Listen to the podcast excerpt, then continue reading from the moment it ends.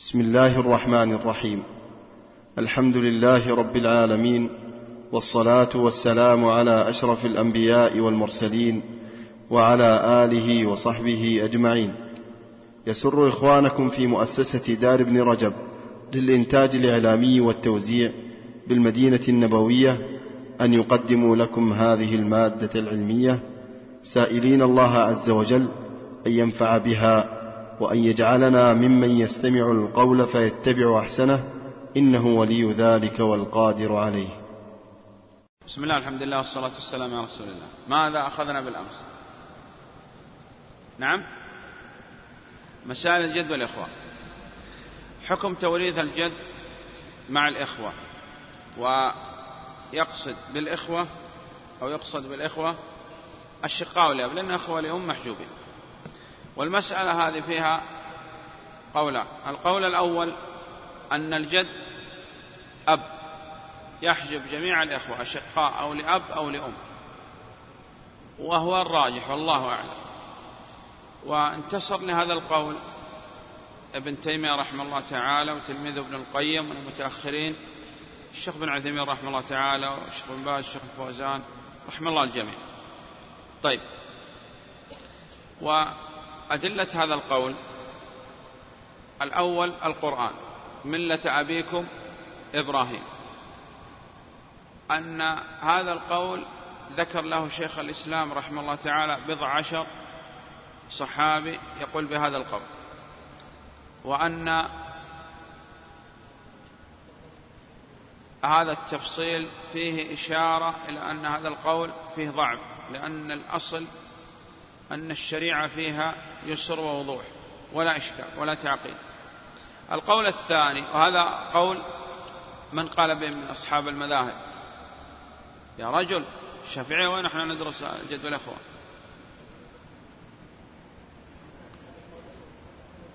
قال به الأحناف هذا ماذا الأحناف.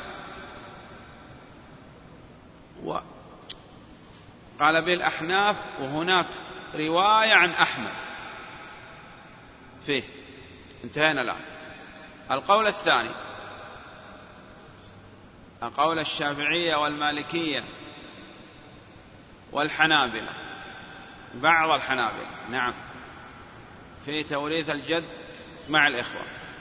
ولهم في هذا تفصيل. دون أصحاب الفروض ومع أصحاب الفروض. دون أصحاب الفروض ضعفي وأقل من ضعفي إما المقاسمة والثلث ومع أصحاب الفروض نعطي أصحاب الفروض وننظر في الباقي في ثلاثة أمور. ثلث باقي أو مقاسمة بشرط لا يقل عن السدس. طيب. أخذنا أيضا أصول المسائل وقلنا المتفق عليها كم؟ سبعة.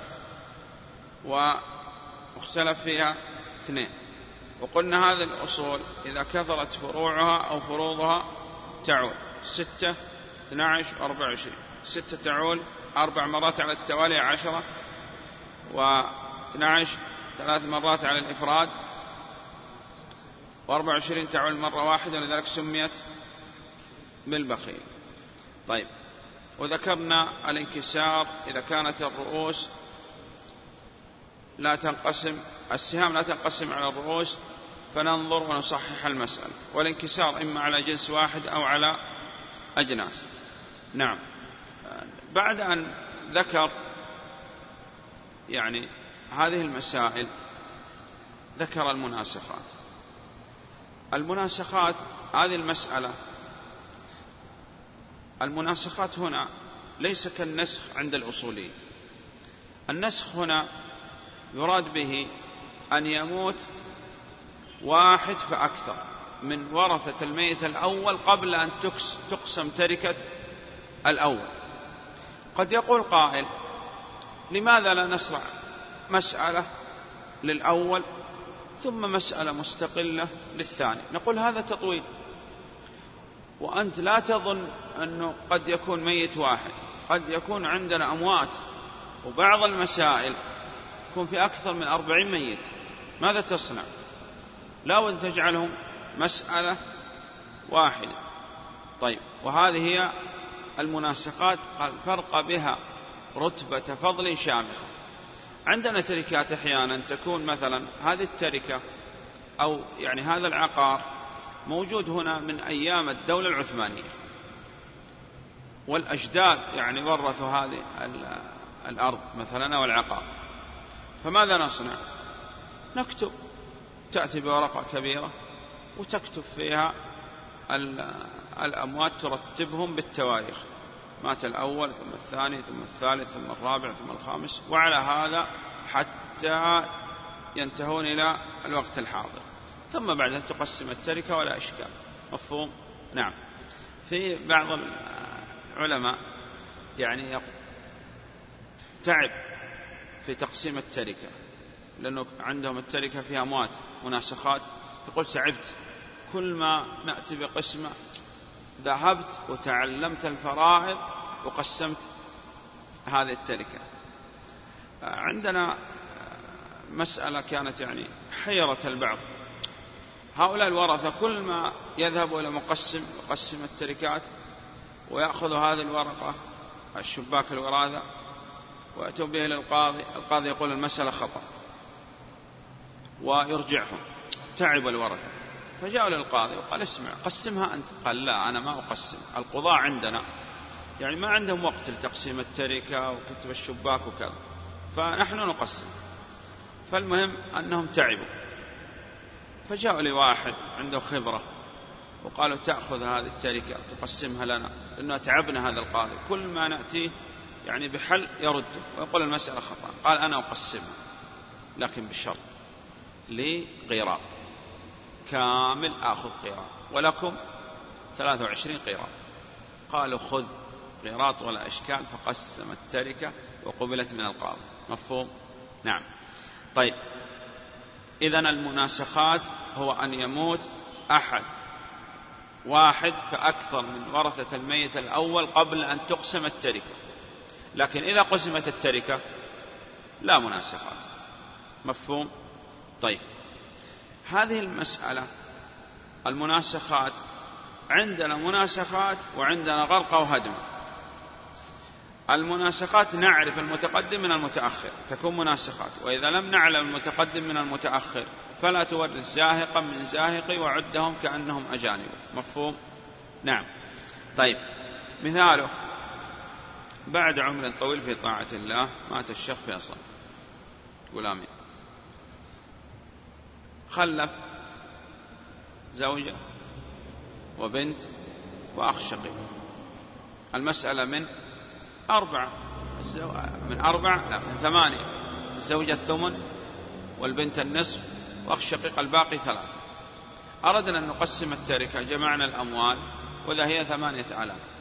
أردنا أن نقسم التركة. قبل أن نقسم التركة ماتت البنت. فماذا نصنع؟ البنت يخص من ثمانية آلاف كم؟ أربعة آلاف. فبدل أن نقسم تركة فيصل ثم تركة البنت ونجعل هذه مسألة وهذه مسألة نجعلها مسألة واحد. ماذا تركت البنت؟ تركت قال أربعة أبناء. سهل جدا. إذا المسألة الأولى من ثمانية والمسألة الثانية من أربعة. مسألتهم من أربعة. سهامهم من تركة الأول أربعة بينهم. هنا عندنا إما قاسم مشترك أو تباين في المناسخات. القاسم مشترك أربعة على الأربعة واحد على الأربعة واحد. إذا الجامعة ثمانية. الجامعة ثمانية. الزوجة تأخذ واحد أربع أبناء لكل ابن واحد وللأخ الشقيق الباقي ثلاثة. مفهوم؟ طيب. ثم بعد هذا ماتت الزوجة. واعتبر أن الزوجة تركت ابن وبنت مسألة من ثلاثة. للذكر مثل حظ الأنثيين. طيب ما لهم علاقة بالأول؟ لعل تزوجت بعد وأنجبت. طيب وجابت ابن وبنت. المسألة من ثلاثة الآن. سهام الزوجة كم؟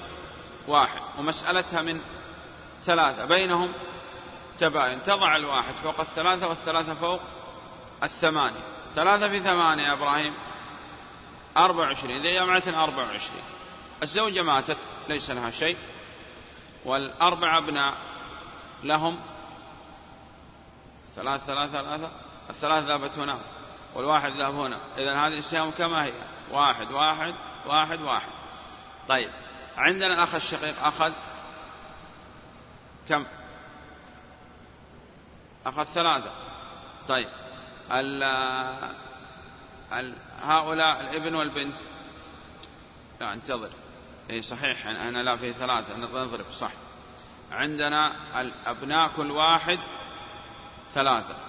صحيح. والأخ الشقيق ثلاثة في ثلاثة؟ تسعة. ويبقى معنا اثنين وواحد هذه نصيب الزوجة وهو الثمن بالضبط. قسم عليهم من الأربع وعشرين.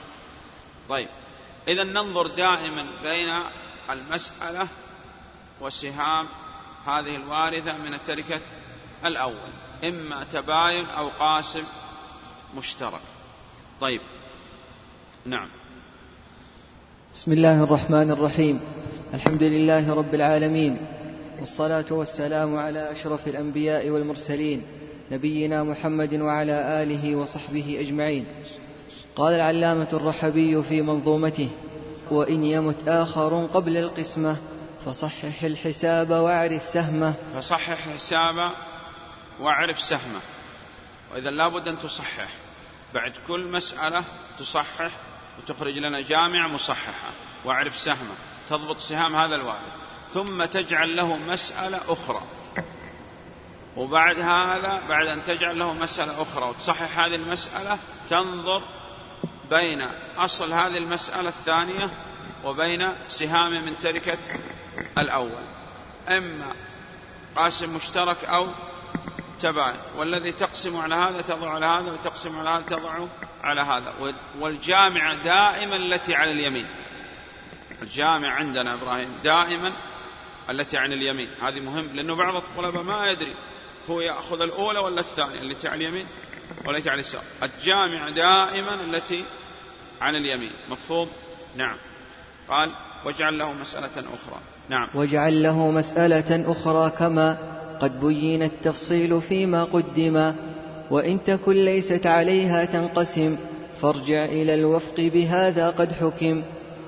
وانظر فإن وافقت السهام فخذ هديت وفقها تماما واضربه أو جميعها في السابقة إن لم تكن بينهما موافقة وكل سهم في جميع الثانية يضرب أو في وفقها علانية وأسهم الأخرى ففي السهام تضرب أو في وفقها تمام فهذه طريقة المناسخة فرق بها رتبة فضل شامخة. نعم.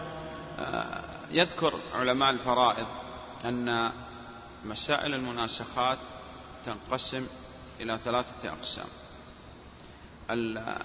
المسألة الأولى يكون ورثة الميت الأول هم ورثة الميت الثاني وإرثهم سواء من الأول ومن الثاني. مثال أن يرثوا بالتعصيب. ترك ثلاثة أبناء. الآن مسألة من ثلاثة. ثم مات واحد من هؤلاء الأبناء الثلاثة. وترك الابن نفسهم إذا إرثهم. واحد ما تغير. المسألة من اثنين من عدد الرؤوس ولا إشكال ولا تغير في الإرث من الأول أو من الثاني لأن كله إرث بالتعصيب. المسألة الثانية أن يكون الورثة الثاني هم ورثة الأول لكن على اختلاف. مثاله ترك زوجة وابن. ثم ماتت الزوجة. الزوجة هنا أصبحت عندنا وتركت الابن هذا. أم إذا تغير الإرث معنا قد يتغير. طيب المسألة الثالثة الصورة الثالثة عندهم أن المسألة يكون الورثة ورثة الثاني لا يرثون شيء من ورثة الأول. أو بعضهم يرث وبعضهم لا يرث. مفهوم؟ فالصور عندهم ثلاث صور. على أي اعتبار؟ يضع أو لا يضع. نحن نمشي على طريقة اللي ذكرناها تكتب الورثة إذا كان وارث تكتب أمام إرثه. سواء كان هو ابن في الأولى وابن في الثانية لا إشكال. زوجة في الأولى وأم في الثانية لا إشكال وتورثه والحمد لله رب العالمين. أيضا في حل التمارين عندهم في حل المسائل أحيانا وهذا يعني آه، أصعب ما يكون أنه لا يذكر جامع بعد كل ميت ويؤخر الجامع لآخر شيء يصنع جامع واحدة لكن هذه المسائل يحصل فيها خطأ لأنها صعبة. فماذا تصنع؟ أسهل طريقة أنه بعد كل ميت تصنع جامع ثم تأتي بالميت الذي يليه. إلا إذا ضاقت عليك المسائل أحيانا قد أحيانا تجمع اثنين من الأموات ثلاثة وتجمعهم لا إشكال. لكن أنك تجمع لو عندك أربعين ميت تجمع جامعة واحدة هذه المسألة صعبة جدا ويعني قد يحصل فيها شيء من الخلل أو خطأ. فماذا تصنع؟ اجعل بعد كل ميت جامع وامشي على هذه الطريقة بإذن الله تحل كل المسائل. وهذه المسألة تحل كل أنواع المناسخات اللي ذكرها العلماء سواء كانوا هم ورثة للميت الأول أو غير ورثة لهم. نعم. قال رحمه الله وإن يكن في مستحق المال خنثى صحيح بين الإشكال. أنا الآن الآن بدأ المؤلف رحمه الله تعالى ببيان المسائل النادرة الوقوع. قد تقع وقد لا تقع قد تمر. يعني عليك كل المسائل ولا تجد فيها مسألة فيها خنثى مشكل. الخنثى المشكل. عندنا خنثى بين وخنثى مشكل. الخنثى البين هو الذي اتضح حاله ونصنفه إما مع الذكور أو مع الإناث وهذا أمر واضح. إذا ظهرت اللحية فهو ذكر. في الغالب يقول أن الصغار لا تتضح عليهم الذكورة أو الأنوثة. فهذا الصغير ننظر به حتى يبلغ. إذا كان عنده عضو الذكر فهو ذكر عضو الأنثى فهو أنثى. ليس له عضو فهو خنثى مشكل. أو عنده العضوين فهو خنثى مشكل. آه ننظر ننتظر به حتى يبلغ أو ننظر من أيهما يبول. إذا كان يبول من عضو الذكر فهو ذكر يبول من عضو الأنثى فهو أنثى يبول من الاثنين ننظر فهو مشكل. ننظر أيهما أشد. فإذا أشد من عضو الذكر فهو ذكر من عضو الأنثى فهو أنثى. آه قال ليس لديه عضو فهو خنثى مشكل. ننتظر حتى يبلغ. ظهرت اللحية فهو ذكر. ظهرت الثديين لم يظهر. لا لحية ولا ثديين فهو مشكل. أو ظهرت اللحية والثديين. يميل إلى الرجال فهو أنثى ولا شك. نعم. يميل إلى النساء فهو ذكر. طيب. يقال أنه أحد حكماء العرب.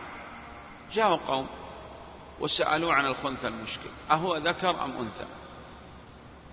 حكيم من حكماء العرب ولا يستطيع أن يرد هؤلاء.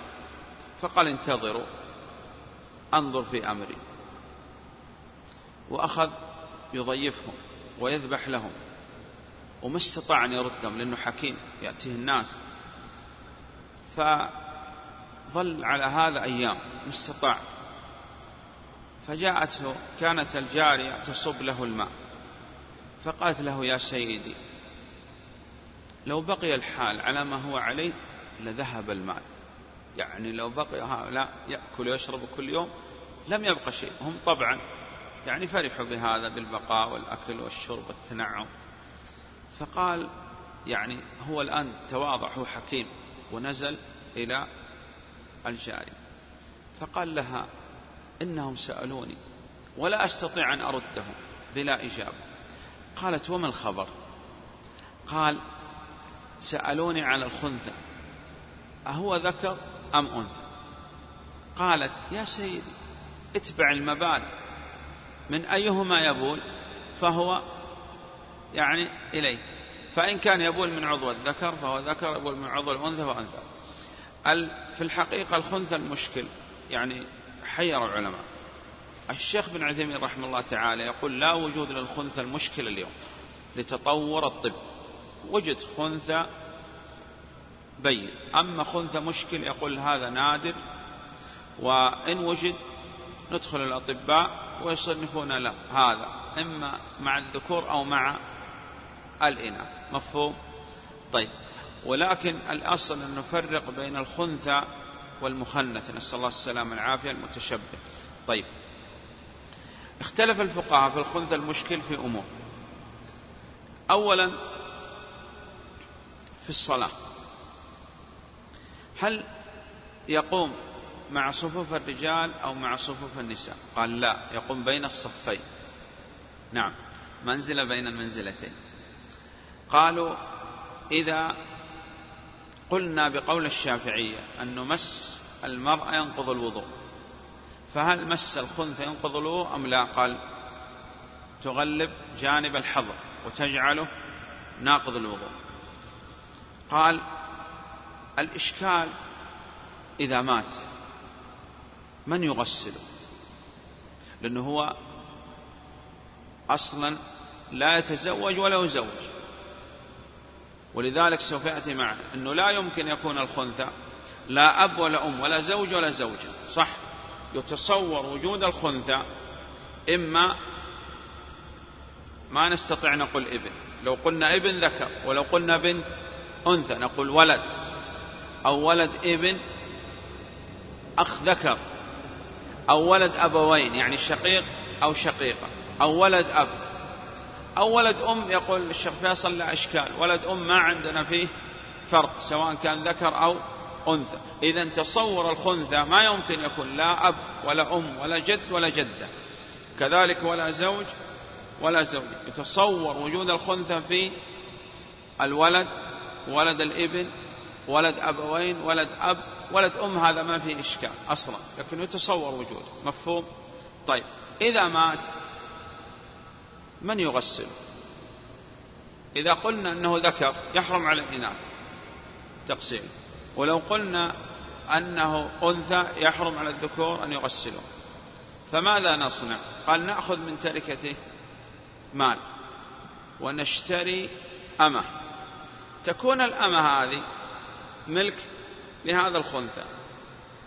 إذا كان الخنثى أنثى فأنثى تمس أنثى ولا إشكال.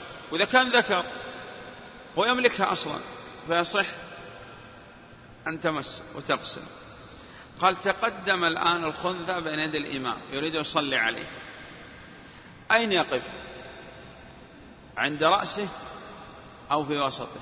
يقف بينهم. نعم. فحير العلماء في واحد من الشناقط أعطاني يوم يعني نظم حل في مسائل الخنثى كلها سواء في الوضوء أو في الصلاة أو في تغسيل الميت تكفينا أو في الصلاة عليه وغيره. نعم. طيب آه الحمد لله. يقول البعض يقول أن الله سبحانه وتعالى لم يجعل في الصحابة خنثى مشكل. ما وجد في الصحابة خنثى مشكل. لأن كمال الخلقة يكون ذكر أو أنثى. وهذا من فضائل الصحابة. عدوا هذا من فضائل الصحابة وقالوا أنه ما وجد في الصحابة خنثى مشكل أبدا. مفهوم؟ نعم. طيب آه قال إذا الآن جاء بالمسائل النادرة. الخنثى المشكل على مذهب الشافعية أننا نقسم التركة على الأقل ونوقف الباقي لتتضح الحال سواء كان الخنثى صغير أو كبير. لكن أشكل هذا على بعض العلماء. قال الآن هذا الخنثى جاوز الأربعين. لا يتصور أن يتضح حاله أصلا الآن. خلاص انتهى. هو الآن استقر حاله على أنه خنثى. مشكل. المالكية رحمهم الله هذه المسائل مسائل الخنثى والمفقود والحمل الأصل عند المالكية أنهم ينتظر ولا يقسموا التركة. إلا إذا أصر الورثة. قسموا التركة وأوقفوا الباقي. فبالنسبة لمالك رحمه الله تعالى في الخنثى المالكية في الخنثى يقول أن الخنثى الآن عندنا إذا كان صغير لا اتضح حاله وإذا كان كبير اتضح حاله. فننظر. كبير الآن وخنثى مشكل. هل هو ذكر؟ لا. هل هو أنثى؟ لا. إذا تساوى عنده صفات الذكورة مع صفات الأنوثة فماذا نعطيه؟ قال المالكية نعطيه نصف ما يستحق ذكر ونصف ما يستحق أنثى لأنه في الحقيقة نصف ذكر ونصف أنثى. مفهوم؟ كيف نقسم المسألة؟ سهل جدا. مسألة فيها ابن وولد خنثى مشكل. مسألة الذكورة من كم؟ من اثنين إذا اعتبرنا ذكر. والأنوثة من ثلاثة الجامعة ستة. عند الشافعية نعطي الابن كم؟ ثلاثة. نعم. ونعطي الخنثى كم؟ من الستة. استغفر الله. أقل تقدير عند الشافعية. واحد على اعتبار أنه أنثى. صح؟ لا. نعطيه اثنين. وواحد يبقى. يا أخي هذا حل المسألة عند الشافعية. ولا لا؟ ثاني مرة. المسألة الأولى من اثنين. المسألة الثانية من ثلاثة. واحد واحد واحد اثنين واحد. صح؟ تمام. فوق الثلاثة اثنين. وفوق الاثنين ثلاثة. إذا نعطيه هنا ثلاثة ونعطيه هنا اثنين. أقل التقدير اثنين. يبقى معنا واحد. الواحد هذه إن اتضح حاله عند الشافعية. وكان أنثى يأخذ الابن هذاك أربع ويبقى له اثنين للذكر مثل حظ الأنثيين. اعتبر أنه أنثى يأخذ الواحد سام ثلاثة ثلاثة. ما في واحد ونص عندنا تمام. إذا الجامع عندنا ستة. للابن ثلاثة وللخنثى اثنين واحد توقف حتى تتضح الحالة عند المالكية لا. تأخذ الجامعة الجامعة كم؟ ستة. تضربها في اثنين. اضرب في اثنين. اثنى عشر هذه جامعتنا. اثنين. طيب. اثنى عشر قسمة اثنين. ستة. اثنى عشر قسمة ثلاثة. أربعة. ننظر أولا لهذا الإبن. الإبن واحد في ستة. ستة. هذه الأولى. أخذ في الأولى ستة. في الثانية أخذ اثنين. في أربعة ثمانية. المجموع ستة وثمانية. أربعة على اثنين أخذ سبعة. تعال الخنثى واحد في ستة ستة. وواحد في أربعة المجموع على اثنين خمسة. هذه الجامعة عندنا 12 الابن الصحيح أخذ سبعة والخنثى أخذ خمسة. إذا قدرنا أن هذا ابن وهذا ابن ذكر أخذ كم؟ ستة. إذا يستحق وهو ذكر ستة. نصف الستة. اضبطها الآن. إذا أخذ نصف ذكر ثلاثة. وإذا قدرنا أنه أنثى للذكر مثل حظ الأنثيين ثمانية وأربعة. نصف الأربعة اثنين. زائد ثلاثة. إذا أعطيناه نصف ما يستحق ذكر ونصف ما يستحقه أنثى. هذا مذهب المالكية. جاء أحمد رحمه الله تعالى وأحمد متأخر. ومذهبه هو الراجح. لا تعصب لكن جمع بين القولين. نظر في قول الشافعي له وجه من الصحة. نظر في قول مالك له وجه من الصحة. فقال قال الحنابلة إذا كان الخنثى صغير نقسم التركة ونوقف المال حتى تتضح الحالة لأنه في الغالب إذا بلغ تتضح حالة. فيقول إذا كان الخنثى صغير نقسم على مذهب الشافعي ونوقف الباقي. وإذا كان الخنثى كبير لا يتضح نقسم على مذهب مالك وجمع بين القولين وهو الراجح والله أعلم. مفهوم؟ طيب. نعم. إذا تكتب لنا المسائل الموجودة في المذكرة حلتموها أنتم على مذهب الشافعية الآن تعيدوها مرة أخرى على مذهب مالك. مفهوم؟ نعم. وإذا حللتم على مذهب مالك والشافعي معنى هذا أنكم عرفتم مذهب الإمام أحمد رحمه الله تعالى. نعم. قال رحمه الله وإن يكن في مستحق المال خنثى صحيح بين الإشكال فاقسم على الأقل واليقين تحظى بحق القسمة المبين واحكم على المفقود حكم الخنثى إن ذكرا يكون أو هو أنثى. آه المفقود هو من فقد ولا يعلم أحي هو أم ميت. والمفقود عندهم ينقسم إلى قسمين. مفقود الغالب فيه الهلاك ومفقود الغالب فيه السلام وهذا باعتبار المكان الذي فقد فيه. مثاله ركب في السفينة وغرقت هذه السفينة ولم توجد الجثة. فهذا الغالب فيه الهلاك. آه، جاءتني مسألة ما حصل من الزلزال القديم في الجزائر. هذا عندما حصل الزلزال في أناس لم يجدوهم أصلا. فهذا الغالب فيه الهلاك. وجد في بعض المناطق التي حصل فيها انفجار مثلا. فهذا الغالب فيه الهلاك. لكن فيصل يدرس معنا وكذا والحمد لله. في المساء لم نجد بحثنا في كل مكان ممكن أن يوجد فيه. لم نجد لا في المطارات ولا في المستشفيات ولا في عند الشرطة ولا في أي مكان. فقد في مكان يغلب فيه السلام. اختلف الفقهاء ال- الذي يغلب عليه الهلاك. قالوا هذا نقدر له أربع سنين. والذي يغلب فيه السلامة فهذا ننظر إلى أقرانه. زملائي من؟ قال فيصل وفلان وفلان. أصحاب فيصل. إذا ماتوا معنى هذا؟ أنه مات. هذا قول. قول أنه أعمار الأمة من الستين إلى السبعين ننتظر به إلى أن يبلغ سبعين سنة ثم نحكم بموته. قدرنا فيصل الآن عندما فقد عمره ثلاثين سنة. ننتظر به كم؟ أربعين سنة ثم بعد هذا نحكم بموته. وبعضهم قال لا أعلى عمر عندنا تقريبا تسعين سنة. نعم فننتظر به تسعين يعني فقد ثلاثين ننتظر ستين سنة. واختلف الفقهاء في هذا. الشيخ بن عثيمين رحمه الله تعالى يقول المفقود يرجع فيه إلى نظر القاضي.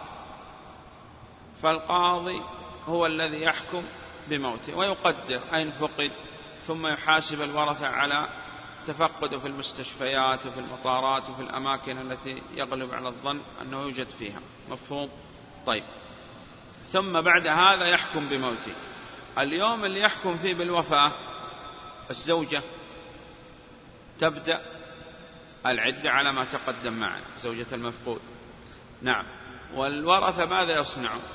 يريد قسمة التركة. مفهوم؟ نعم. فنقدره أنه حي وميت ونوقف الباقي. وعند الشافعي نقول في المسألة يوقف الباقي حتى تظهر الحالة أنه حي أو ميت أو يحكم بموته. من الذي يحكم بموت؟ القاضي الشرعي. نعم.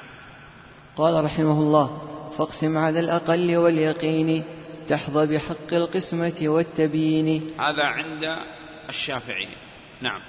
واحكم على المفقود حكم الخنثى إن ذكرا يكون أو هو أنثى. نعم. وهكذا حكم ذوات الحمل فابن على اليقين والأقل.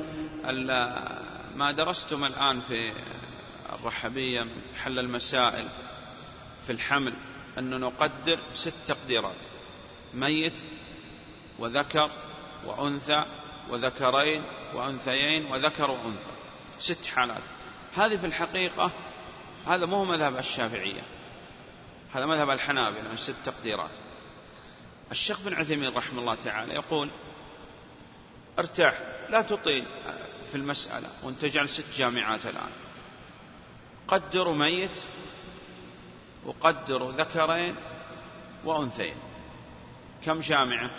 ثلاثة والجامعة الأخيرة هي الرابعة. وانتهت المسألة. بدل أن تصنع سبع جامعات لأنه عندنا ستة ثم الجامعة الأخيرة هذه سبعة.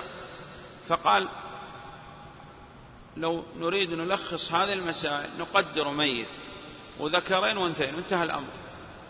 ثم نصنع الجامعة. وهذا يعني في تسهيل على الطلاب. مفهوم؟ نعم. طيب. الحمل أقل ستة أشهر والصحيح أنه لا حد لأكثره.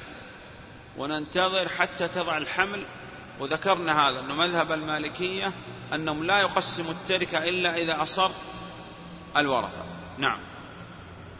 ذكر سبت المارديني الله أعلم هو والبقري في الحاشية أن امرأة كانت حامل وضعت كيس. هذا الكيس يقال عندما فتحوا وجدوا فيه أربعين ولد. يقول كبروا ويقول هذا الراوي يقول فصارعت واحد منهم فصرعني. نعم والله أعلم بصحة القصص هذه الله أعلم.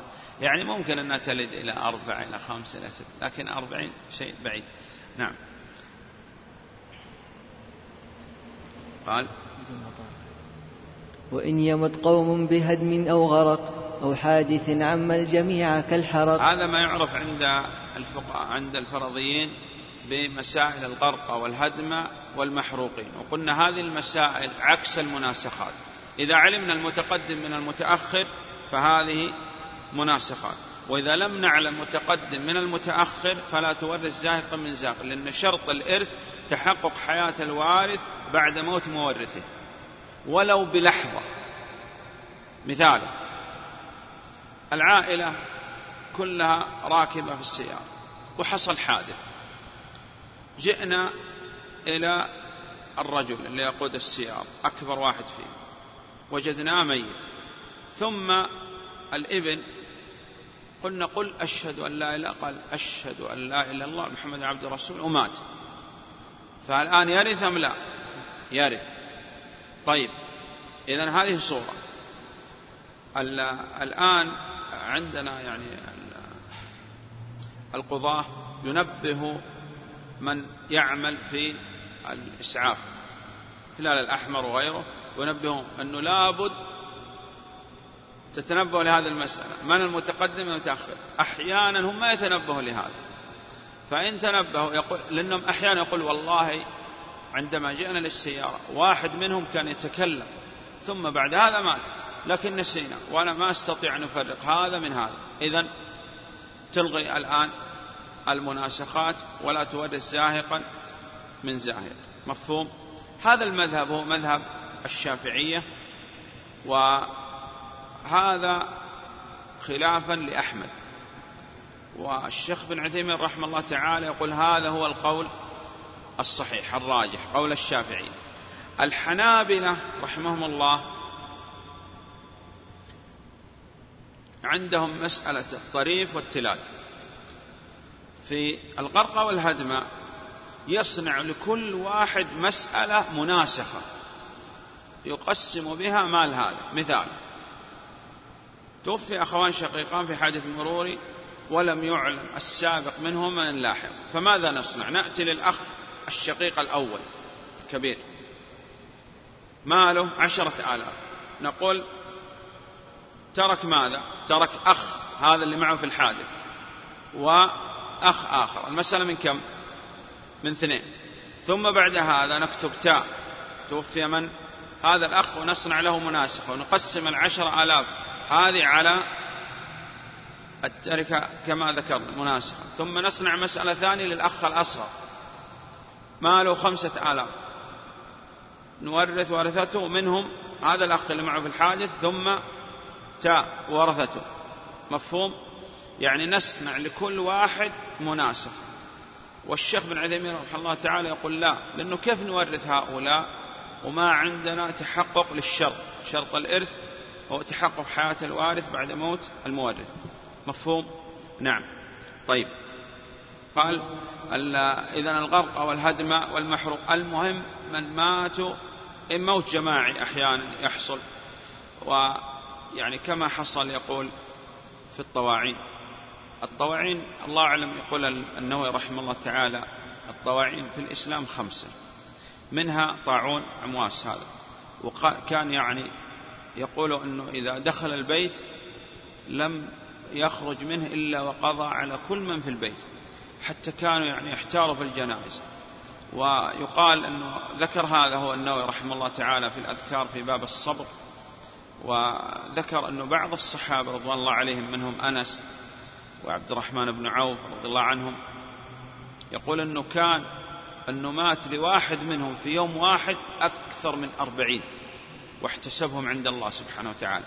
نعم. فهذا هو الغرق والهدم والمحروقين الموت الجماعي أحيانا يأتيك ولا تعلم متقدم من المتأخر. نعم. وإن يمت قوم بهدم يعني نسأل الله السلامة والعافية. خرم عليهم السقف كالزلازل اليوم. قوم بهدم أو غرق أو حادث حريق أو قنبلة أو ما ذلك. حادث عم الجميع كالحرم. ولم نعلم السابق من اللاحق. فلا تورث زاهقا من زاهق وعدهم كأنهم أجانب. فهكذا القول السديد الصائب عند الشافعي لا عند أحمد. نعم. قال رحمه الله وإن يمت قوم بهدم أو غرق أو حادث عم الجميع كالحرق ولم يكن يعلم حال السابق فلا تورث زاهقا من زاهق وعدهم كأنهم أجانب فهكذا القول السديد الصائب. آه، شيخنا عمار رحمه الله تعالى جاءته مسألة فيها يعني غرق وهدم. اثنين توفوا في حادث ولم يعلم السابق من اللاحق. فالشيخ يعني كتب مسألتين. مسألة على مذهب أحمد ومسألة على مذهب الشافعي. حل المسألتين وقال خذوا هذه الأوراق وذهبوا بها للقاضي. فعندما ذهبوا إلى القاضي القاضي ردها وقال لا كيف تحلون لنا مسألتين؟ أعطوني مسألة واحدة. فرجع للشيخ عمار وقال الشيخ القاضي ردها وقال اعطينا قول واحد. قال أنا ما عندي قول واحد. أنا أكتب وأريد هو الذي يختار هو الذي يرجح. أريد أضعها في عنق القاضي. فقال لا أتونا بالراجع الشيخ عمار؟ قال قال أنا يعني أعتقد أنه ما في عندي شيء راجح. ولأنه يعني هذه المسألة مختلف فيها. وأنا أريد هو يرجح. إذا رجح قول الحنابلة الحمد لله. وإذا رجح قول الشافعي الحمد لله. فقال يا شيخ كذا. يعني نريد أن تقسم التركة وكذا والله أعلم أنه لو تجعلنا على رأي الشافعية ترى هذا أحسن للكل. يعني تقسيم الشافعية هو الأحسن أحسن من هذا لأنه تقسيم أحمد يعني فيه نقص لبعض الورثة وإحنا ما نريد هذا نريد هذا. المهم يعني هذه المسائل تحتاج إلى تدقيق ونظر في الأدلة وغيره نعم فقسم لهم على مذهب الشافعية وانتهى الأمر. نعم. قال رحمه الله وقد أتى القول على ما شئنا من قسمة الميراث إذ بينا على طريق الرمز والإشارة ملخصا بأوجز العبارة فالحمد لله على التمام حمدا كثيرا تم في الدوام. نعم كما حمد الله سبحانه وتعالى في أول الكتاب حمد في آخر الكتاب لأن الله سبحانه وتعالى أتم عليه النعمة. نعم. فالحمد لله على التمام. حمدا كثيرا تم في الدوام. أسأله العفو عن التقصير. وخير ما نأمل في المصير. وغفر ما كان من الذنوب. وستر ما شان من العيوب. لأن من ألف كما قال الخطيب رحمه الله تعالى البغدادي وغيره أنه من ألف فقد وضع عقله على طبق يعرضه على الناس. وهذه يعني مؤلفات الخلق. يعني لا بد أن يكون فيها شيء من النقص. وأرشد بعض العلماء يقول أن الإنسان الآن يعني قد تقدم العلماء بالتأليف والتحقيق والنظر في الأدلة وغيره. ولذلك تجد أنه العلماء عندنا مثال مثلا الشيخ بن عثيمين رحمه الله تعالى الآن مع الزاد. كان يستطيع الشيخ أن يكتب لنا زاد جديد. لكن نظر وإذا العلماء خدموا هذا المتن واعتنوا به وأنه في أمور وفي فوائد وفي درر وشروحات والنسخ وكذا فناسب أنه يبقي هذا الفضل لأنه يعني تقدموا بالفضل. وإذا تقدموا بالفضل فله السبق.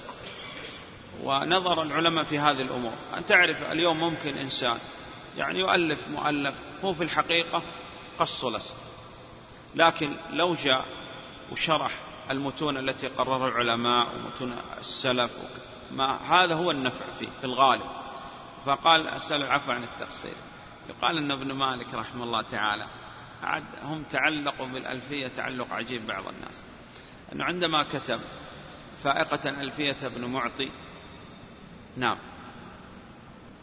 فجاء ابن معطي في المنام وقال له فائقة ألفية ابن معطي والحي خير من ألف ميت. قال له هذا في المنام. فقام مباشر ابن مالك عندما قام من المنام كتب وهو بسبق حائز تفضيلا مستوجب ثناء الجميل مفهوم؟ نعم. يعني ذكر له الفضل لأنه تقدم في الفضل لا بد أن يذكر له هذا الفضل. نعم. فقال يعني عندما ألف الآن التأليف لا بد يكون في شيء من الخلل أو النقص أو كذا فذكر آه، هذا الاستغفار في نهاية الكتاب. نعم. وأفضل الصلاة والتسليم على النبي المصطفى الكريم. نعم كما صلى على النبي عليه الصلاة والسلام في أول الكتاب لأنه هو سبب عليه الصلاة والسلام في أن كل خير جاءنا فهو عن طريقه عليه الصلاة والسلام وجعل الله سبحانه وتعالى سبب. صلى عليه في أول الكتاب وصلى عليه في آخر الكتاب عليه الصلاة والسلام. نعم. وأفضل الصلاة والتسليم على النبي المصطفى الكريم محمد خير الأنام العاقب وآله الغر ذوي المناقب وصحبه الأماجد الأبرار الصفوة الأكابر الأخيار. نعم. تتم. قال الشيخ عبد الله بن صالح الخليفي النجدي رحمه الله تعالى في نظمه لباب الرد وميراث ذوي الأرحام.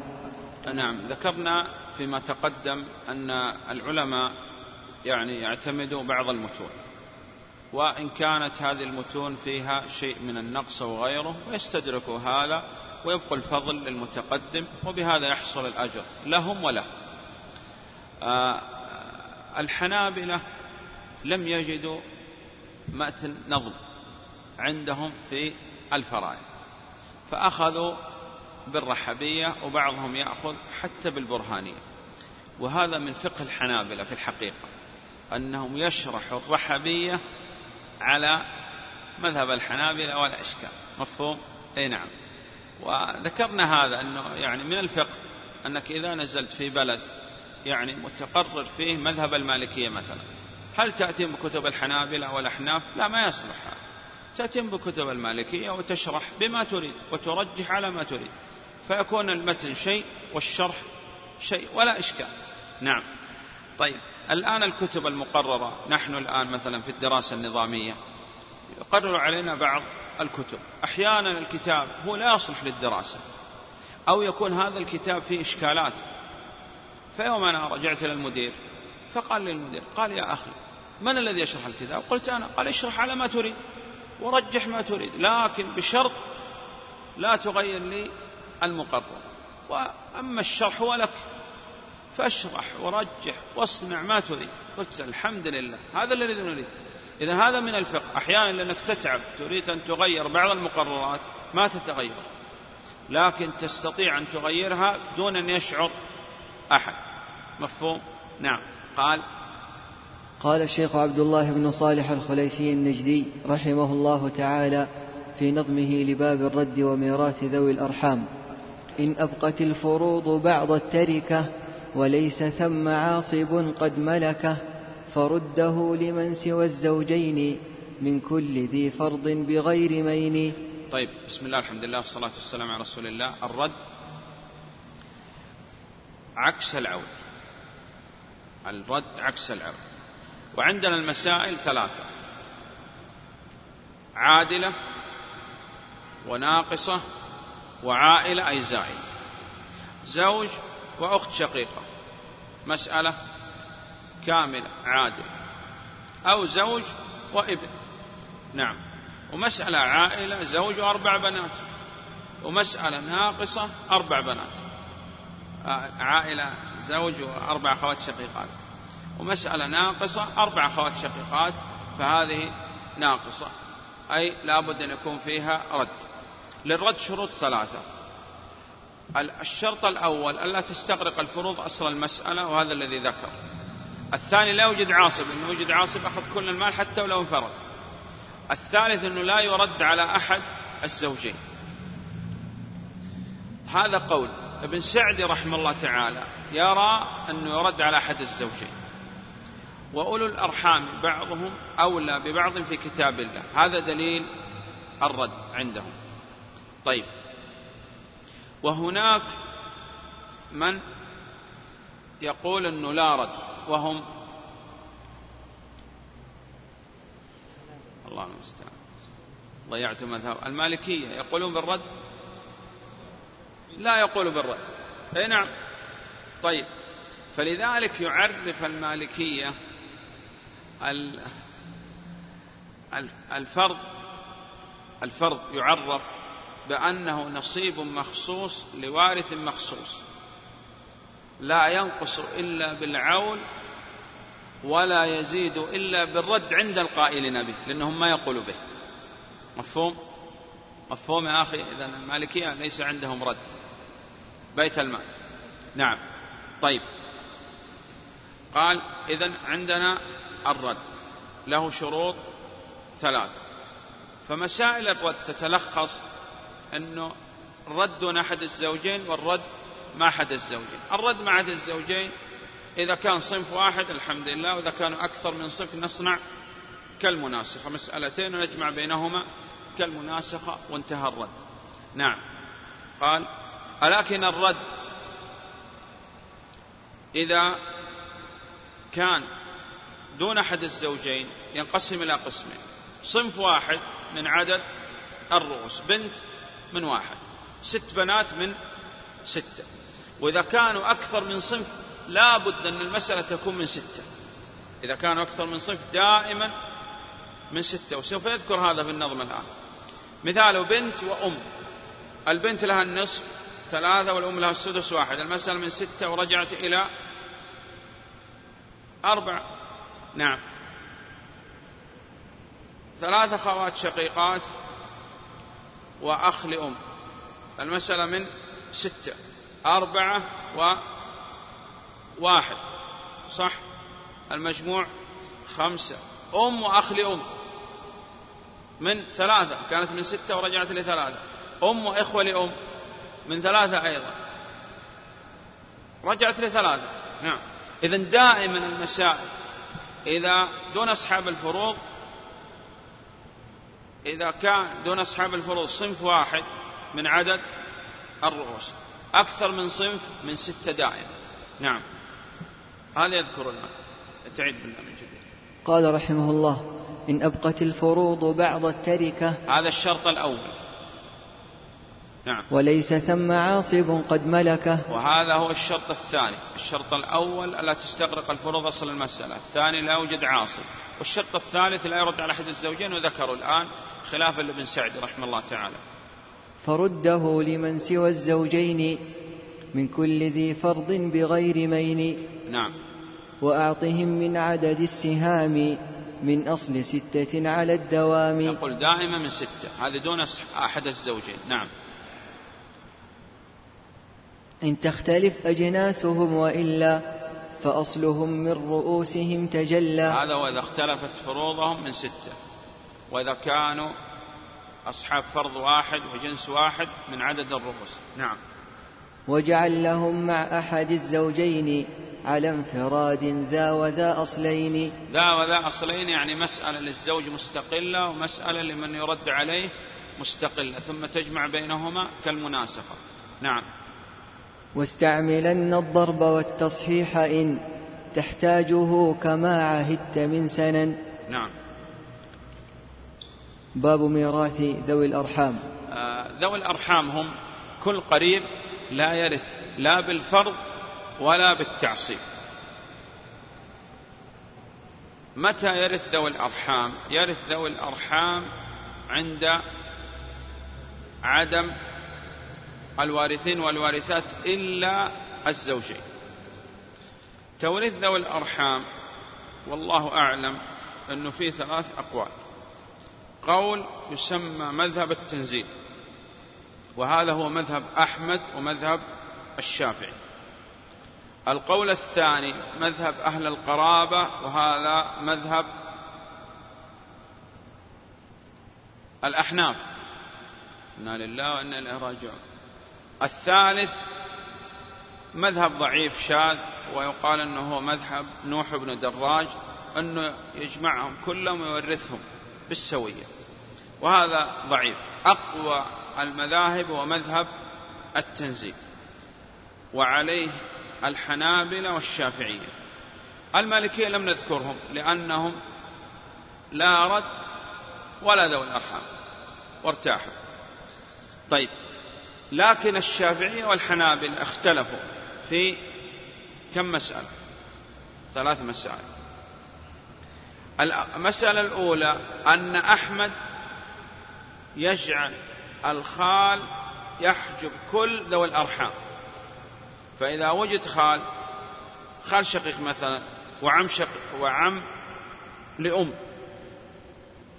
فالخال يحجب الكل. أما الشافعية ينزل الخال أم والعم لأم ينزله أب. وصار الذكر مثل بل أخذ العم لأم أكثر منه لكن أحمد لا يحجب. ذوي الأرحام كلهم بماذا؟ بالخال لأن النبي صلى الله عليه وسلم قال الخال وارث من لا وارث له يقدم على كل ذوي الأرحام. الثاني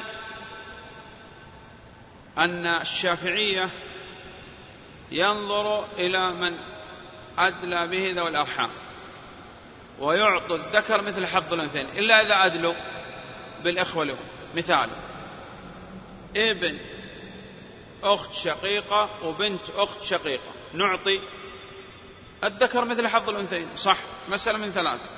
لكن أحمد يقول لا. هؤلاء أدلوا بأنثى لأنهم لو أدلوا بذكر لورثوا. فعندما أدلوا بأنثى وافقوا الإخوة لأم ويكون الذكر كالأنثى. هذه المسألة الثانية اللي خالف فيها أحمد الشافعي. نعيدها. ابن أخت شقيقة وبنت أخت شقيقة أخت شقيقة هذه واحدة عنده الشافعي يقول للذكر مثل حظ الأنثيين لأنه هذا نزل ابن وهذه نزلت بنت. نعطي الذكر مثل حظ الأنثيين. الإمام مذهب الحنابل يقولوا لا. أدلوا بذكر ولا بأنثى؟ الأخت الشقيقة أنثى ولا ذكر؟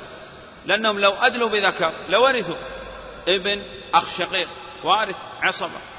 فقالوا عندما أدلوا بأنثى وافقوا الإخوة لأم والإخوة لأم فيهم الذكر يأخذ كالأنثى. إذا اعطي واحد واحد واحد للابن واحد للبنت ولا تفرق. يعني لا تعطي الذكر مثل حظ الأنثيين. الشافعي يعطي الذكر مثل حظ الأنثيين إلا إذا أدلوا بالإخوة لأم. بنت أخ لأم وابن أخ لأم. عند الحنابلة وعند الشافعية المسألة من من اثنين مفهوم؟ طيب هذا الخلاف الثاني بين الحنابلة والشافعية. الخلاف الثالث بين الحنابلة والشافعية أن الشافعية لا يعتبرون القرب البعد. يعني يعتبر القرب البعد الشافعي يعتبر القرب والبعد سواء كانت الجهة واحدة أو مختلفة. والحنابلة لا يعتبرون القرب والبعد إذا اختلفت الجهة ويعتبرون إذا اتحدت الجهة. بالمثال يتضح ابن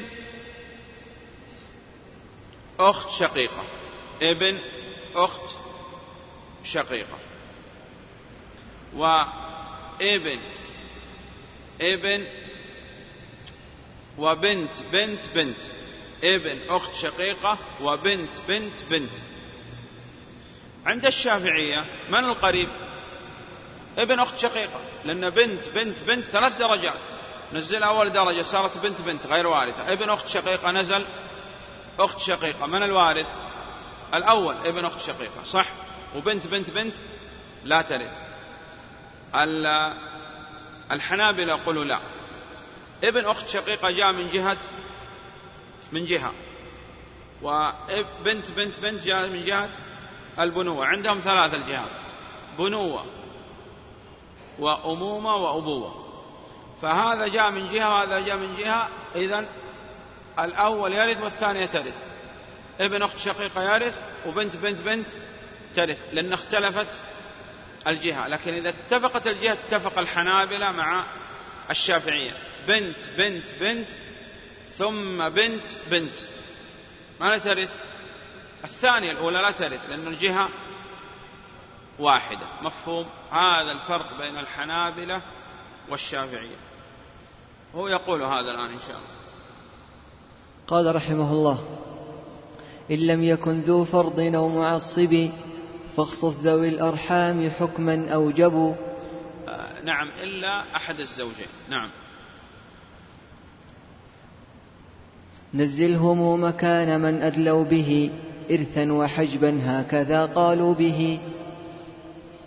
كبنت بنت حجبت بنت ابن أم وعمة قد حجبت بنت لعم لكنما الذكور في الميراث عند استواء الجنس كالإناث. فاقبل هديت مني هذا النظم واحفظ وقل يا رب زدني علما. اللهم آمين. آه، تعيد الان عيد هذا اللي قال. بنت بنت. قال رحمه الله إن لم يكن ذو فرض أو معصب فاخصص ذوي الأرحام حكما أوجبوا نزلهم مكان من أدلوا به إرثا وحجبا هكذا قالوا به. كبنت بنت حجبت بنت ابن أم. نعم. بنت المسألة فيها بنت بنت وبنت أخ لأم. بنت البنت بنت وبنت أخ لأم أو ابن أخ لأم نزل أخ لأم مسألة فيها بنت أخ لأم الأخ لأم محجوب. والمسألة من واحد. نعم. الثانية. وعمة قد حجبت بنت لعم عمة وبنت عم شقيق. مفهوم؟ العمة أب وبنت عم شقيق. عم شقيق. الأب يحجب. العم الشقيق وانتهى الأمر. هذه مسألة. نعم. ثم قال لكنما الذكور في الميراث عند استواء الجنس كالإناث. نعم. الذكر كالأنثى خلافا للشافعية. وضربنا عليه مثال ابن أخت شقيقة وبنت أخت الأخت هذه الشقيقة. للذكر مثل حظ الأنثيين عند الشافعية والذكر كالأنثى عند الحنابلة لأنهم أدلوا بأنثى. نعم. فاقبل هديت مني هذا النظم واحفظ وقل يا رب زدني علما. والحمد لله صلى الله على محمد وآله وصحبه وسلم. جزى الله الشيخ خير الجزاء. مع تحيات إخوانكم في مؤسسة دار ابن رجب للإنتاج الإعلامي والتوزيع بالمدينة النبوية. هاتف رقم ثمانية ثلاثة سبعة ثمانية تسعة ثلاثة ثمانية.